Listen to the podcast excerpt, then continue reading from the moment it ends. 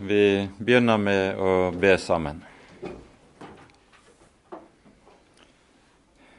Kjære gode Herre, så kommer vi til deg igjen. Og takker og lover deg, Herre, for all din nåde og all din godhet imot oss. Takk, Herre, at du har gitt oss ditt hellige ord, og at vi skal få møte deg lære deg å kjenne igjennom Ordet. Takk, Hellige Herre, at du har åpenbart din Sønn for oss, som vår fullkomne Frelser. Herre, skriv ham og skriv ordet om ham inn i våre hjerter, at vi må bli bevart hos Jesus så ber vi at du vil sende din Hellige Ånd og være hos oss denne kvelden og gi oss lys i ordet ditt. Det ber vi, Herre, for Jesus skyld. Amen.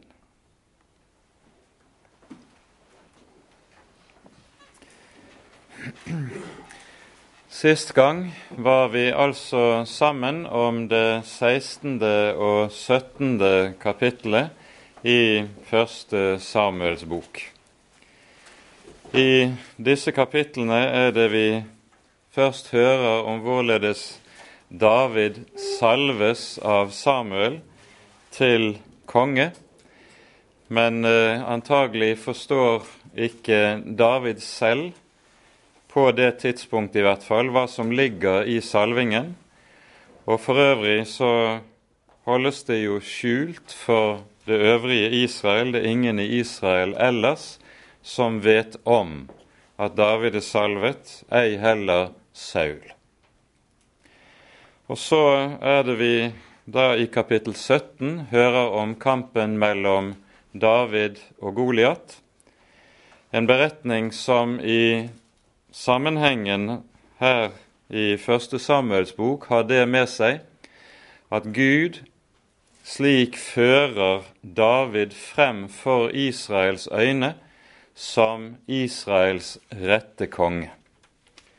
Når han nemlig beseirer Goliat, så er det jo ikke ved sverd, ikke ved makt, ikke ved styrke, men ved tiltro til at Herren selv vil ta seg av og føre hans sak. Og Dette bekjenner også David meget tydelig og meget klart i det han møter Goliat. I dag skal alle folk se at Israel har en gud, sies det. Det er ikke noe selvskryt. David er nærmest ganske ubevisst når det gjelder seg selv. Det er ingen selvbevissthet hos David i dette møtet.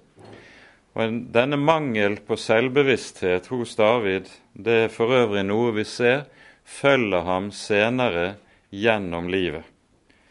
Og Også her står han i motsetning til Saul, som jo ganske raskt blir meget selvbevisst, slik at Samuel må si til ham når han får budskapet fra Herren om at Saul skal fratas kongedømmet, så sier Samuel bl.a.: Da du var liten i egne øyne, opphøyet Herren deg til konge over sitt folk.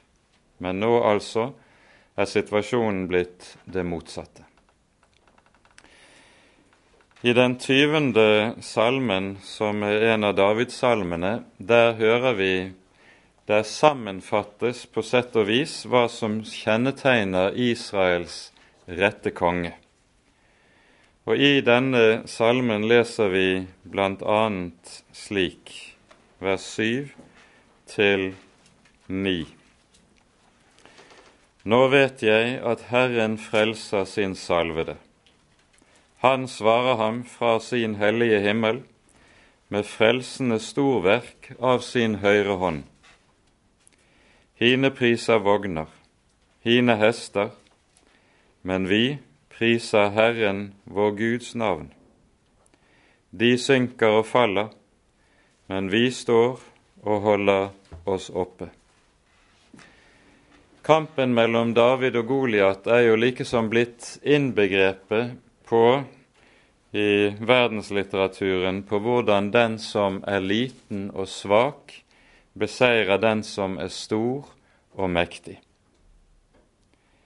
Men det som etter Guds ord jo er hemmeligheten i dette, det er jo at det alltid er slik i Guds rike at kraften fullendes i skrøpelighet.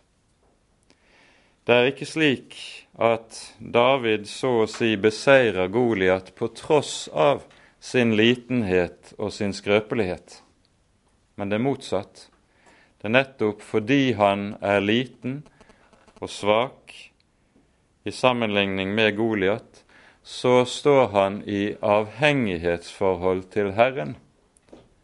Og det er dette som gir ham seieren, slik at David kan si høyt og tydelig som så hele Israel hører det, seieren hører Herren til. Det er Herren som står for striden, ikke et menneske. Og Det er det som altså demonstreres gjennom denne kampen som eh, vi leser om i kapittel 17. Og Derfor kan det med full rett sies at her fører Herren David frem for Israels øyne som Israels rette konge.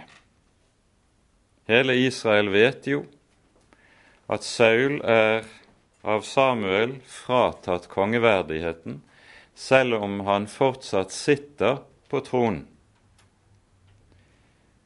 Men hva så? det er det ingen som vet i folket enda. Og knapt vet vel David det heller lenger. Men i løpet av det vi hører i de kapitlene vi skal igjennom i dag, så ser vi at der kommer en voksende erkjennelse frem, både hos Saul og hos David selv, om hva salvingen, Samuels salving, egentlig innebar. Vi går nå inn i det 18. kapittelet, og vi leser dette kapitlet i sammenheng.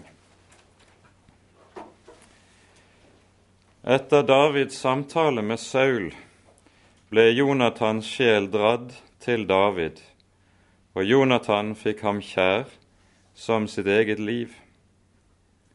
Samme dag tok Saul David til seg og lot ham ikke mer få vende tilbake til sin fars hus.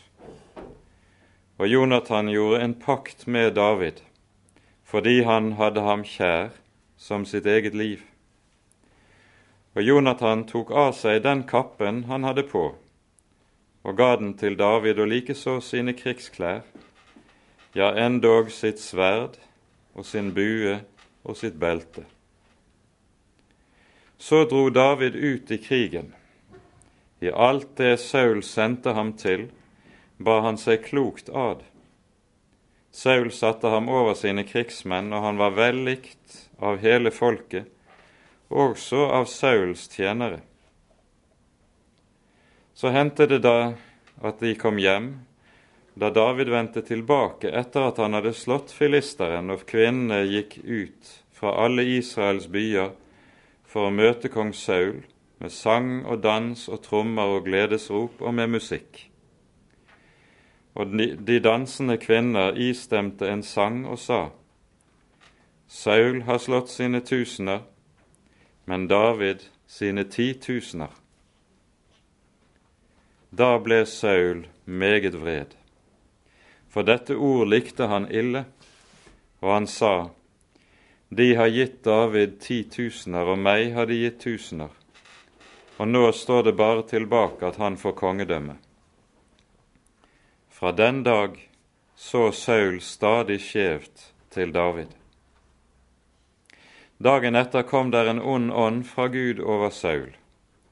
Han raste inne i sitt hus mens David spilte på harpen, som han pleide å gjøre hver dag, og Saul hadde et spyd i hånden. Da svang Saul spydet og tenkte, jeg vil støte det gjennom David og inn i veggen. Men David bøyde seg til side for ham to ganger. Saul var redd for David, for Herren var med ham, men fra Saul var han veket bort. Derfor sendte Saul ham fra seg og satte ham til høvedsmann over tusen, og han dro ut og dro inn foran folket.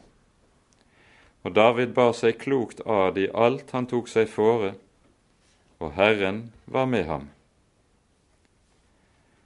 Da nå Saul så at han bar seg meget klokt ad, gruet han for ham. Men hele Israel og Juda hadde David kjær, for det var han som dro ut og dro inn foran dem. Og Saul sa til David, Her er min eldste datter Merab. Med henne, henne vil jeg gi deg til hustru. La meg bare få se at du er en djerv stridsmann og fører Herrens kriger. For Saul tenkte, min hånd skal ikke ramme ham, men filistrenes hånd skal ramme ham. David svarte Saul, Hvem er jeg, og hvem er mine frender, min fars ett i Israel, at jeg skulle bli kongens svigersønn? Men da tiden kom at Merab, Sauls datter, skulle gis til David, ble hun gitt til Adriel fra Mehola til hustru. Mikael, Sauls datter, elsket David. Da Saul fikk vite dette, syntes han godt om det, og Saul tenkte:" Jeg vil la ham få henne, så hun kan bli en snare for ham, og filistrenes hånd kan ramme ham. Og Saul sa til David, Ved min annen datter skal du i dag bli min svigersønn. Og Saul bød sine tjenere, Tal hemmelig med David og si, Kongen liker deg, og alle hans tjenere har deg kjær. Bli derfor nå kongens svigersønn. Da Sauls tjenere sa disse ord til David, svarte han, Synes dere det er en ringeting å bli kongens svigersønn? Jeg er jo en fattig og ringe mann. Sauls tjenere fortalte ham dette og sa, Således sa David. Da sa Saul, Så skal dere si til David, Kongen krever ingen annen festegave enn hundre filister forhuder så han kan få hevnet seg på kongens fiender. Men Saul tenkte å felle David ved filistrenes hånd. Da hans tjenere fortalte David dette, var David glad over at han skulle bli kongens svigersønn, og før tiden enda var ute, gjorde David seg rede og dro av sted med sine menn og slo i hjel 200 mann blant filistrene. Og David tok deres forhuder med seg og la dem fulltallig frem for kongen, så han kunne bli kongens svigersønn. Da ga Saul han sin datter Mikael til hustru. Nå så Saul og forsto at Herren var med David, og Mikael, Sauls datter, elsket ham. Da ble Saul enda mer redd David, og Saul var Davids fiende all sin tid. Så dro filistrenes høvdinger ut i krigen, og så ofte de dro ut, bar David seg klokere ad enn alle Sauls tjenere, og han fikk et stort navn.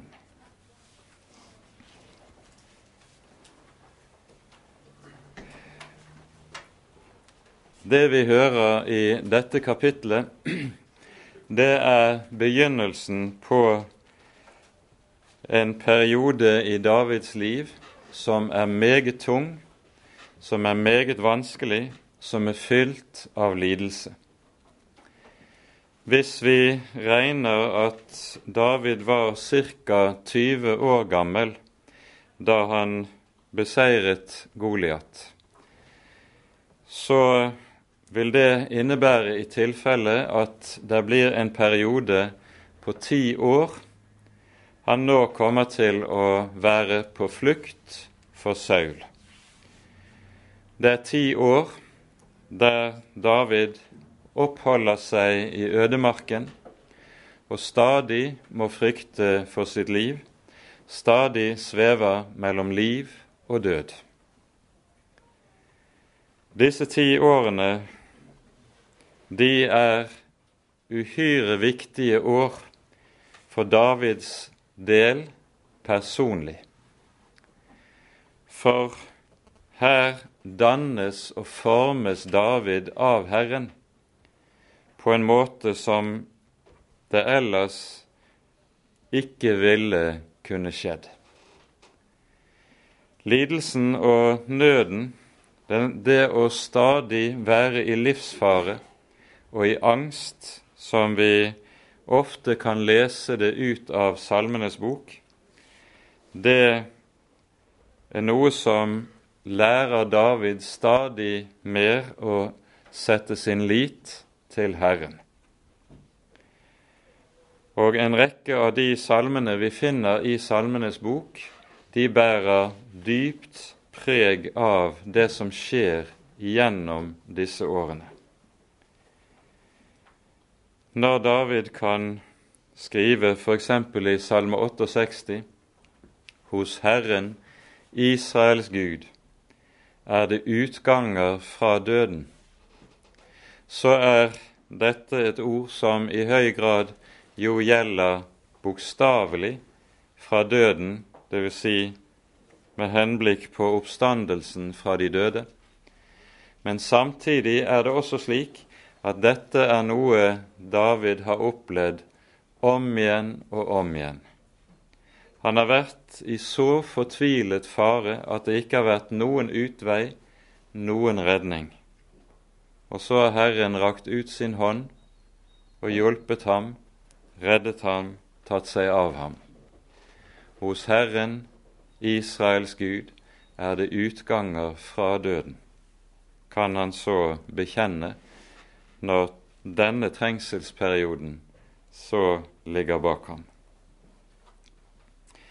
I denne tiden så er det særlig to saker som holder David oppe.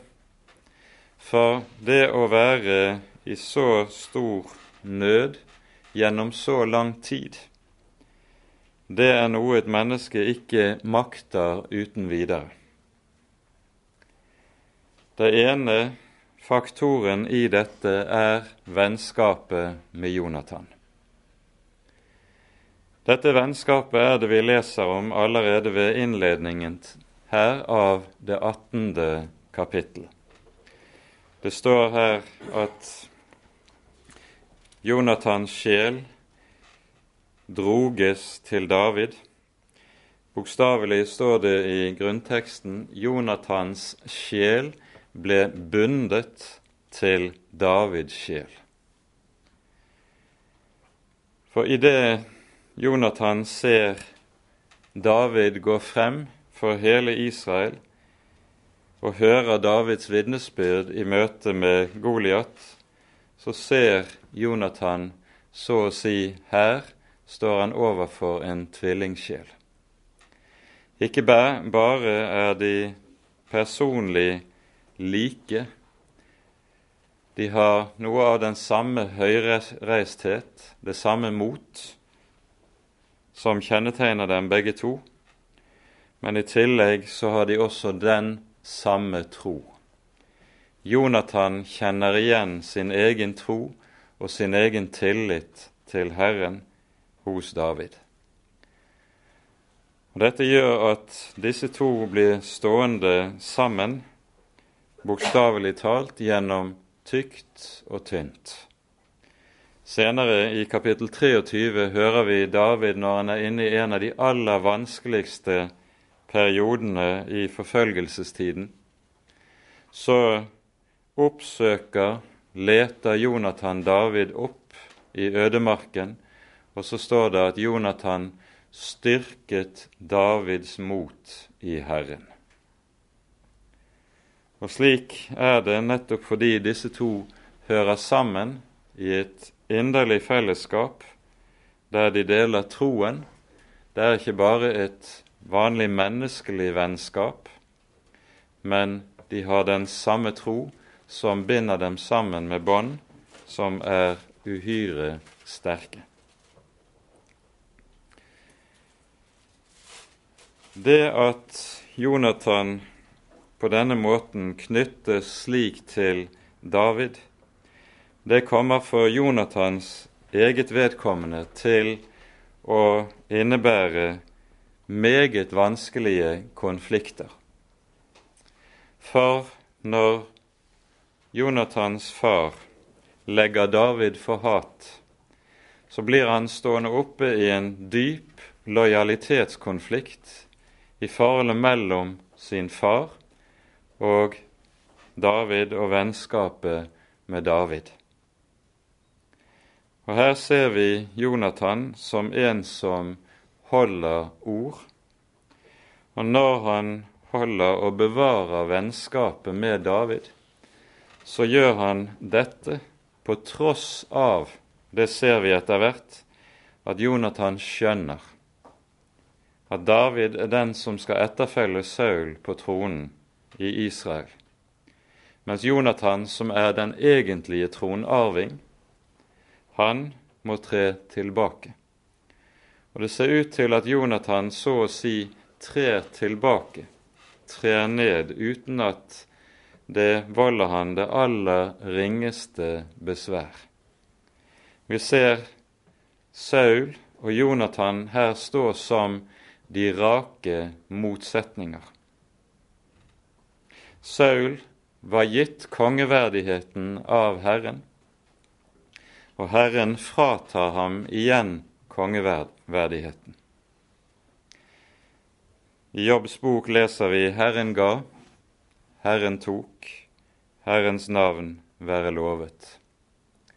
Dette kan Saul aldri si, for når Herren tar fra ham, så søker Saul å tviholde på det som Herren vil ta fra ham, noe som blir til hans dype, dype skade og ulykke. For det å holde fast på det Herren vil ta, det fører aldri velsignelse med, med seg. Men vi vet hvordan dette er. Menneskelig talt så er det jo slik at når et menneske har fått noe, fått noe som er stort, så gir det meget vanskelig avkall på det. Vanskelig er det å gi avkall på rikdom. Enda vanskeligere er det å gi avkall på verdighet og ære og posisjon. Og det siste er det Saul eventuelt må gi avkall på. Han makter det ikke. Og når han disse, gjennom disse ti årene forfølger David på livet, så er det nettopp fordi han tviholder på en kongeverdighet som Herren har fratatt ham.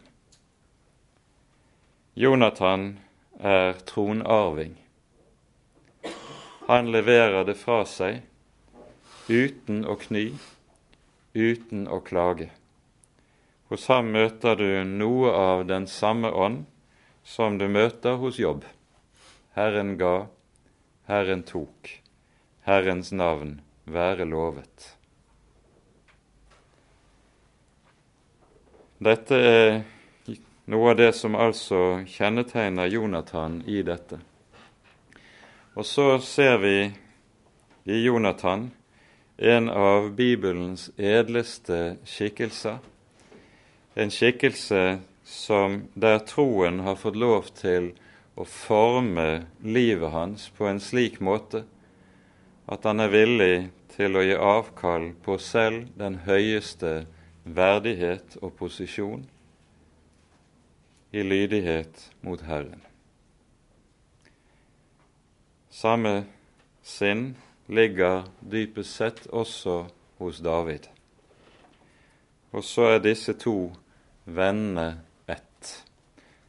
Og her ser vi et vennskap som er av en slik art at Jonathan villig ofrer alt for å kunne stå sin venn David bi. Dette er så å si det som er anskuelig gjort gjennom det vi leser i det fjerde verset her i kapittel 18. Jonathan gir David sin kappe, sin våpenutrustning, og slik sender han ham i krigen. Det er så å si at Jonathan med dette gir David det som egentlig, menneskelig talt, tilkom ham selv. Nå ser vi hva som blir foranledningen til Sauls fiendskap mot David. Etter seier og en rekke seire over, i krigen over filistrene, så skjer det som var vanlig skikk og bruk, at når mennene vender tilbake fra krigen, så møtes de av kvinner som går ut med sang og dans for å juble og takke for seieren. Men ordene som her synges, rammer Saul som en pil i hjertet. Saul har slått sine tusener, David sine ti tusener. Da ble Saul meget vred, står det. Og så blir det dette som så å si utløser bitterheten og hatet mot David. Det er misunnelse, det er sjalusi. Noe som Det nye testamentet lærer oss meget tydelig, alt sammen hører til kjødets gjerninger. Når Paulus i Galaterbrevet kapittel 5 regner opp kjødets regninger, gjerninger, så er bl.a. misunnelse regnet opp som en av disse. Og hva slik misunnelse, svartsjuke, kan føre til, det ser vi i fortsettelsen med historien her om Saul. Den slags misunnelse har skilt bror fra bror i utallige forhold oppover gjennom historien. Og så er det altså at når David er vendt tilbake, og Saul er inne i en av sine mørke perioder, en ond ånd kommer over ham igjen, så er det at han første gang søker å ta livet av David. David er rask, kommer unna spydet som stikkes etter ham, og legger tydelig ikke noe særlig bredt på hva som har skjedd. Han tenker at dette er kun et utslag av det Saul er plaget med, den onde ånd som tidvis kommer over ham. Det er ikke noe som er uttrykk for noe fast forsett hos Saul. Og Derfor forblir David fortsatt hos Saul enda en tid.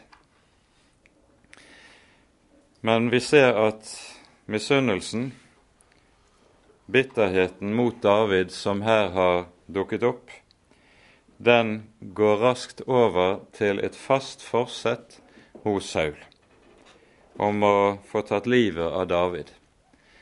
Han prøver til å begynne med to, ved to ulike anledninger å gjøre det ved hjelp av krigen. Det er filistrenes hånd som skal ramme David, ikke Sauls egen hånd. Det går med andre ord over til noe, å bli noe som er uttrykk for bevisst planlegging. Og det som er vemodig å lese i dette, det er hvordan det står flere ganger i dette kapittelet. Først står det i vers 12.: Saul var redd for David, for Herren var med ham. Legg merke til den, det 'for' som står der. Tidligere ville dette vært noe som hadde gledet Saul meget, at det var tydelig at Herren var med en mann. Men her er det motsatt.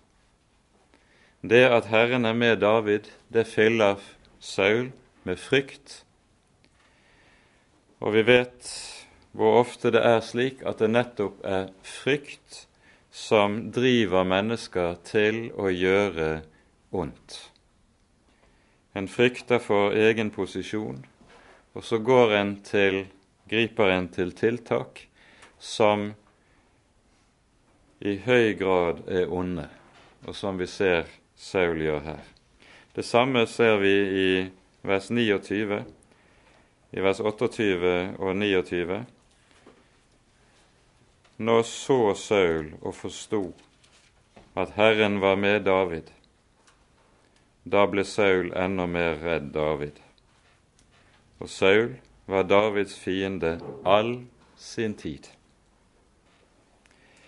Det sinnet vi her ser hos Saul, det er dypest sett nøyaktig det samme sinn som vi ser i forholdet mellom Kain og Abel i Første Moseboks fjerde kapittel.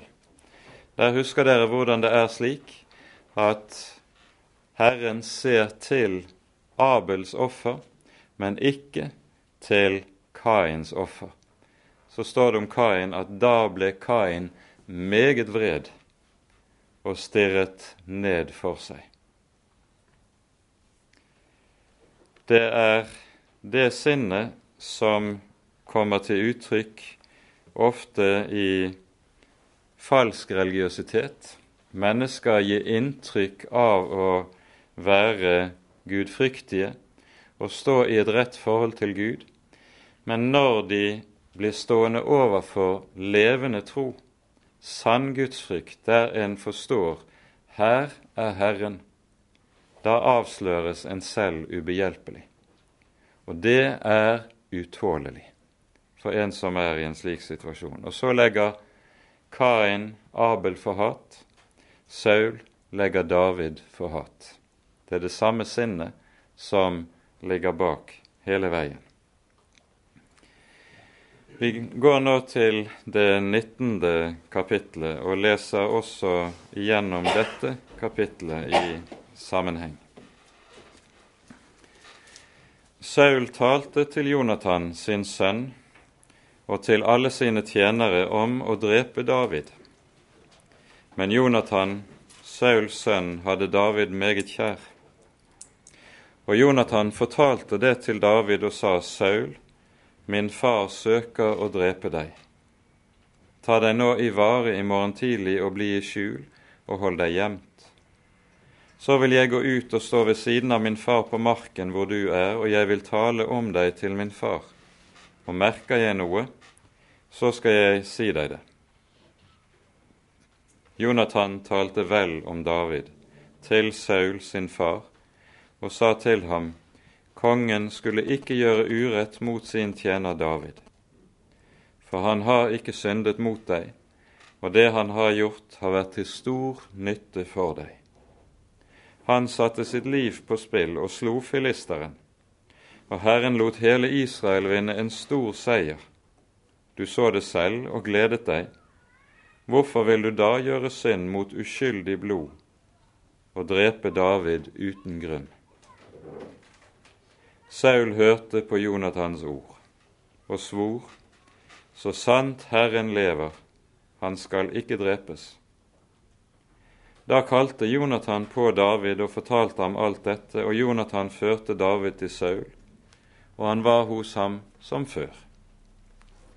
Men krigen varte ved, og David dro ut og stred mot filistrene og påførte dem et stort mannefall, og de flyktet for ham og en ond ånd fra Herren kom over Saul mens han satt i sitt hus med sitt spyd i hånden, og David spilte på harpen. Da søkte Saul å støte spydet gjennom David og inn i veggen, men han vek til side for Saul, så han støtte spydet i veggen. Samme natt flyktet David og dro bort. Saul sendte bud til Davids hus for å vokte på ham og drepe ham om morgenen. Men Mikael, Davids hustru, varslet han om det og sa:" berger du ikke ditt liv i natt, så blir du drept i morgen. Og Mikael firte David ned gjennom vinduet, og han flyktet sin vei og slapp bort. Så tok Mikael husguden og la den i sengen, og hun la et teppe av gjetehår ved hans hode og dekket den til med et klede. Og da Saul sendte bud for å hente David, sa hun, han er syk. Så sendte Saul budene av sted for å se David og sa, Bær ham hit til meg i sengen, for at han kan bli drept. Men da budene kom inn, fikk de se at det var husguden som lå i sengen med geitehårsteppe over hodet. Da sa Saul til Mikael, Hvorfor har du narret meg således og latt min fiende slippe bort, så han er kommet unna? Mikael svarte Saul. Han sa til meg, La meg slippe bort, ellers slår jeg deg i hjel. Da David var flyktet og hadde sluppet bort, kom han til Samuel i Rama og fortalte ham alt hva Saul hadde gjort mot ham. Og han og Samuel tok av sted til Nevajot og bodde der. Da Saul fikk spurt at David var i Nevajot ved Rama, sendte han noen menn for å hente David. Og da de fikk se, se profetenes skare, som var i profetisk henrykkelse, og Samuel stående der som deres fører, da kom Guds ånd over Sauls sendebud, så de òg ble grepet av profetisk henrykkelse. Da Saul fikk vite dette, sendte han andre bud, men de ble òg grepet av profetisk henrykkelse. Så sendte Saul bud igjen for tredje gang, men også de ble grepet av profetisk henrykkelse. Da gikk han selv til Rama. Da han kom til den store brønnen i Seku, spurte han, Hvor er Samuel og David? De svarte, De er i Nevajot ved Rama. Da han så gikk dit, til Nevajot ved Rama, kom Guds ånd også over ham, så han hele veien gikk i profetisk henrykkelse til han kom til Nevajot ved Rama. Da rev han òg klærne av seg. Også han var i profetisk henrykkelse mens han sto foran Samuel, og han falt ned og lå der uten klær hele den dag og hele natten. Derfor sier folk:" er også Saul blant profetene.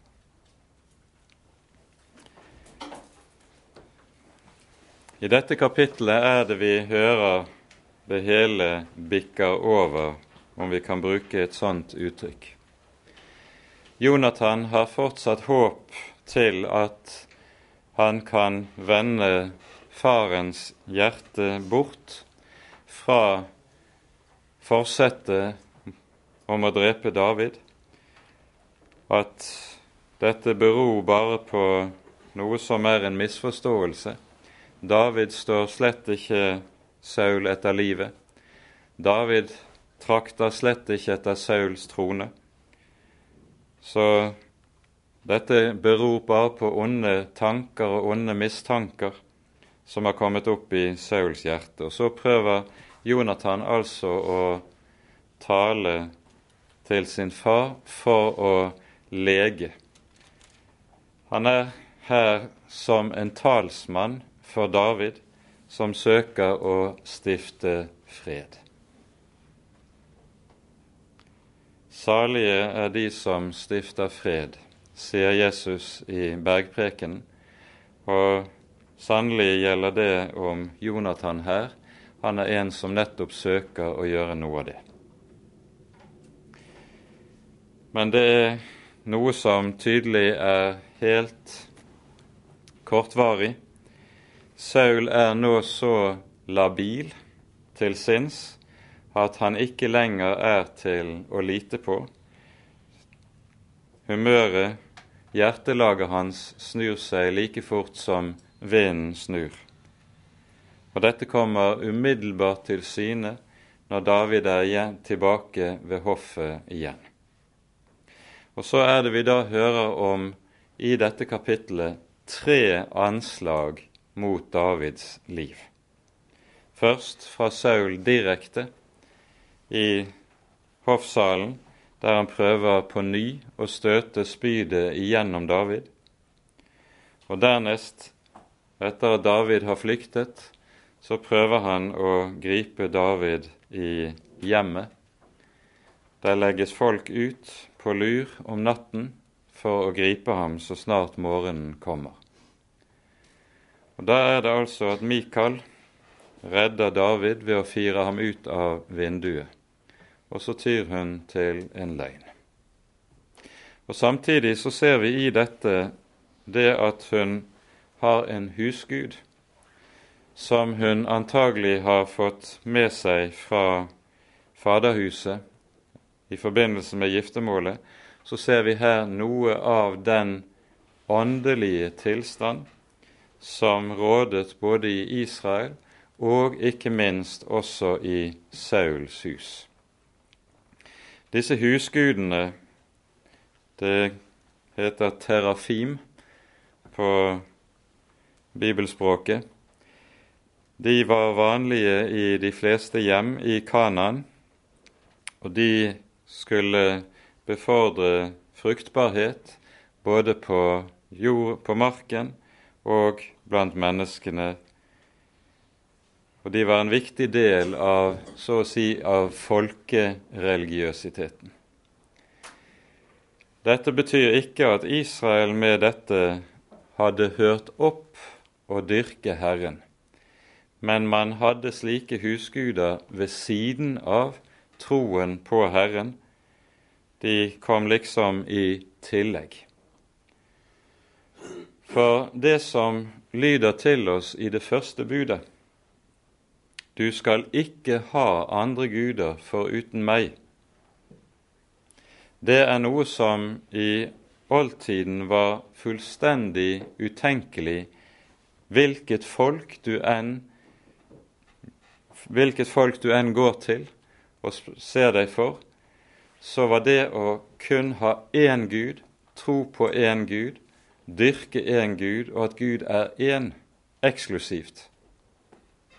Det var noe som vi kun finner i de ti bud. Det som var vanlig blant folkene, var at man hadde sine ulike guder. Jeg har mine guder, du har dine guder, og det er greit. Det var en slags relativisme, en slags toleranse i religionens verden som kjennetegnet polyteismen.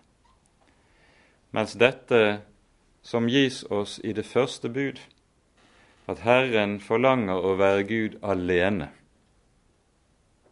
det er noe som er så eksklusivt og så radikalt at Israel ser vi har meget, meget vanskelig for å avfinne seg med det Gud sier i det første bud. Det er den stadige synd i Israels folk. De tar seg andre guder ved siden av Herren. Er det noe problem, da? Alle gjør jo slik. Alle tenker jo slik. Det er jo ikke så farlig. Slik tenkte Israel, og så lar de seg påvirke av det som var den alminnelige tenkning i samtiden. De dyrker Herren, men også makter ved siden av ham. Og Dette er det som stadig også fører Israel til fall. I det vi her ser i Israels samtid, så har vi en meget nær parallell til det som også er åndssituasjonen i vår egen tid. Også i våre dager så har vi den samme tenkning om toleranse mellom oppfatninger og overbevisninger og ulike slags tro, som leder inn i den samme type relativisme som man kunne se den gang, mens det som kjennetegner den kristne tro, Herren er én, der er bare én vei til frelse. Det eksklusive som ligger i dette, det er noe av det også dagens mennesker finner fullstendig uakseptabelt. Så det er ikke så veldig stor forskjell på oss og de den gang i, på dette området. Mikael berger altså David fra de som står ham etter livet. Og her er det i forbindelse med det vi leser når David slipper unna slik, så finner vi en av de eldste, en av de første salmene som David har diktet, nemlig salme 59. Den skriver han i forbindelse med nettopp flukten og redningen fra disse som ligger i bakhold, for å ta ham av dage. Og vi kan lese noen ganske få vers fra Salme 59. Den er lang, så vi kan ikke lese hele.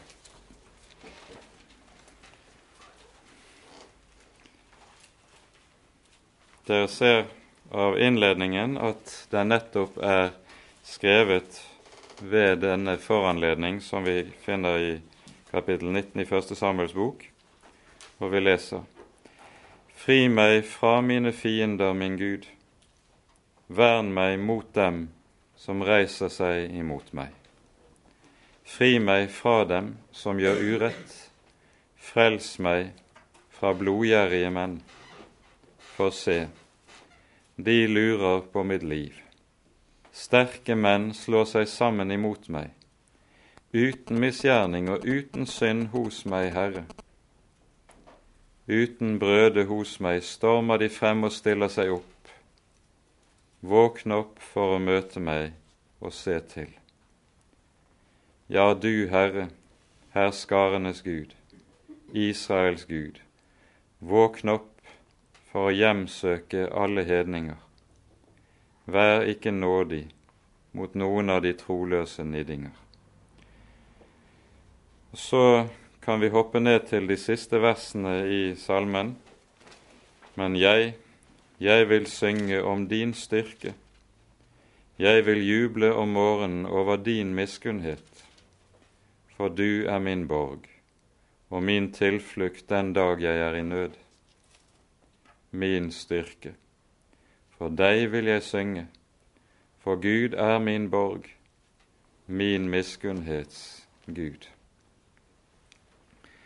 Her ser vi hvordan Davids nød driver David inn i bønn. Og dette er noe av det som vi kjenner som noe av den, den grunnleggende kristen erfaring. Nød føder bønn. Og Ofte er det slik i et kristent menneskes liv at det å be med Davids ord be med Davids ord fra Salmenes bok, det kan ligge en veldig trøst for et menneske som er i nød, rett og slett å be disse ord. For da ber du med ord som så å si Gud legger deg i munnen. Og slik ber du med ord som også bærer i seg hjelpen og trøsten. Det er så å si slik at bønnens ord fra Salmenes bok de bærer med seg noe av den hjelpen som du nettopp trenger i nødsituasjoner. Det er viktig å merke seg dette. Senere utover i Første Samuels bok så ser vi hvordan en rekke av de enkelthendelser som David er ute for, blir foranledning til flere av salmene i Salmenes bok. Vi skal etter hvert se noen av disse. Men den siste begivenheten som vi her leser i kapittel 19, den er uhyre betydningsfull. Når David nå skjønner at han må på flukt, nå er det ingen vei tilbake, hvor skal han da vende seg, annet enn til Samuel, som hadde oppsøkt ham, Samuel som hadde salvet ham. David trenger en å snakke med, Han trenger en som er en Herrens profet, som både kan hjelpe ham på vei og hjelpe ham til å forstå noe av det han nå står overfor. Og slik hjelp har nok David fått her hos Samuel. Her er det vi også for første gang ser det trekket som senere kommer til å få stor betydning i Israel.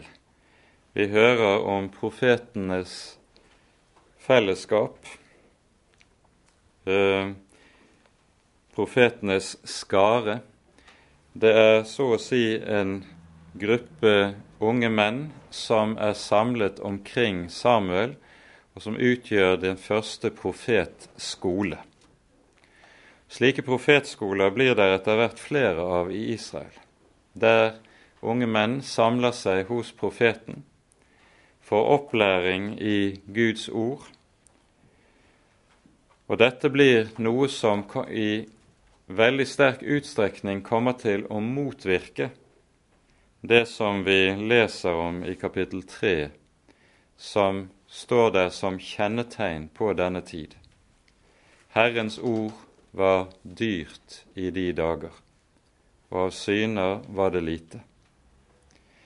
Nå har Samuel meget bevisst startet så å si et slags opplæringssenter, en slags bibelskole, der unge menn kan få mer målbevisst og systematisk opplæring i og innføring i Guds ord, i det profetiske ord, og slik lære Herren å kjenne.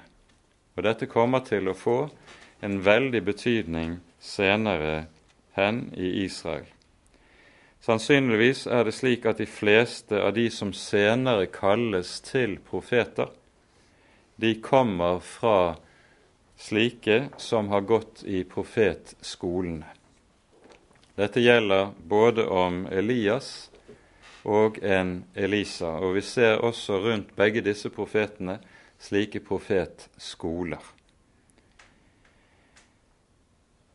Det som nå skjer når Saul sender folk av sted for å gripe David der i Nevajot, det er at det helt tydelig er en slik åndsmakt i dette fellesskapet som gjør at de som kommer i nærheten, de blir dypt grepet av det de stilles overfor.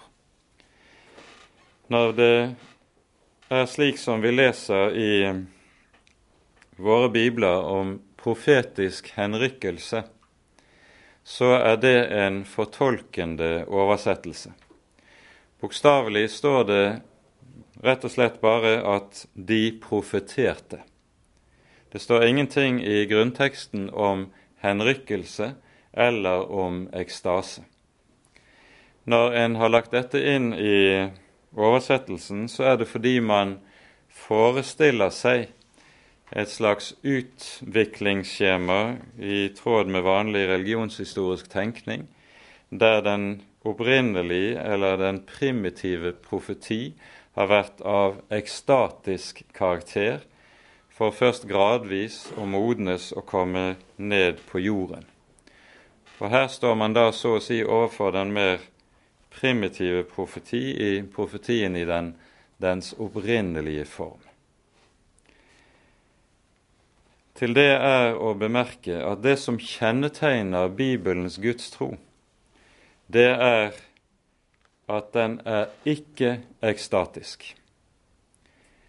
Det ekstatiske element finner du i høy grad i Israels naboreligioner.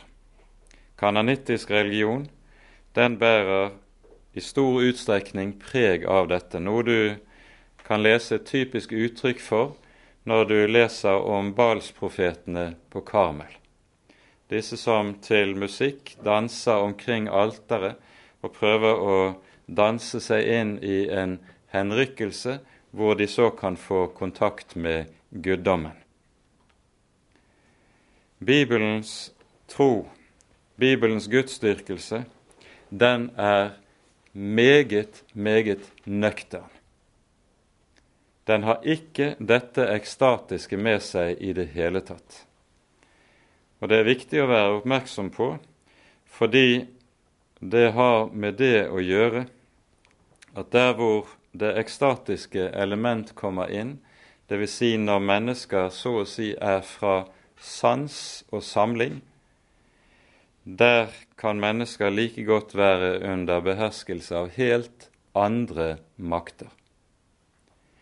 Derfor vil Gud ha det slik at når han skal inn til mennesker, så vil han at menneskene skal være dagklart våkne og bevisste. De skal vite hva som skjer, forstå hva som sies. For der hvor ekstase, der hvor suggesjon kommer inn, der kommer også alle hånde muligheter inn for manipulasjon. Men Gud manipulerer ingen. Det å manipulere mennesker, det er uttrykk for at man ikke respekterer mennesker. Man vil så å si lure noe inn hos menneskene som man, e, de ellers ville si nei til, dersom de var seg bevisst hva som skjedde. Gud gjør aldri slikt. Og Derfor er kristen tro og kristen forkynnelse skal alltid være preget av denne nøkternhet, som taler til mennesker på en slik måte de skal vite hvem som taler, hva som sies, hva en tar stilling til. Dette tror jeg må sies i våre dager, hvor vi ser i en del ulike kristne sammenhenger man har vendt tilbake til å hente inn en type ekstatiske elementer i kristentroen. Til det er å si dette er vesensfremmed for sann kristen tro. Sann kristen tro er nøktern, dvs. Si, den er dagklar. Og Derfor er det også vi møter en formaning ganske hyppig i noen av brevene i Det nye testamentet. Det står 'vær edrue'. Det sikter ikke i, I flere av sammenhengene siktes det her ikke primært til drukkenskap, og at man advares mot drukkenskap. Det advarer jo Bibelen også mot i høy grad. Men når dette uttrykket brukes i flere sammenhenger i Nytestamentet, vær edrue, så sikter det nettopp mot en åndelig edruelighet, en åndelig nøkternhet, som er nødvendig å bli bevart i som troende.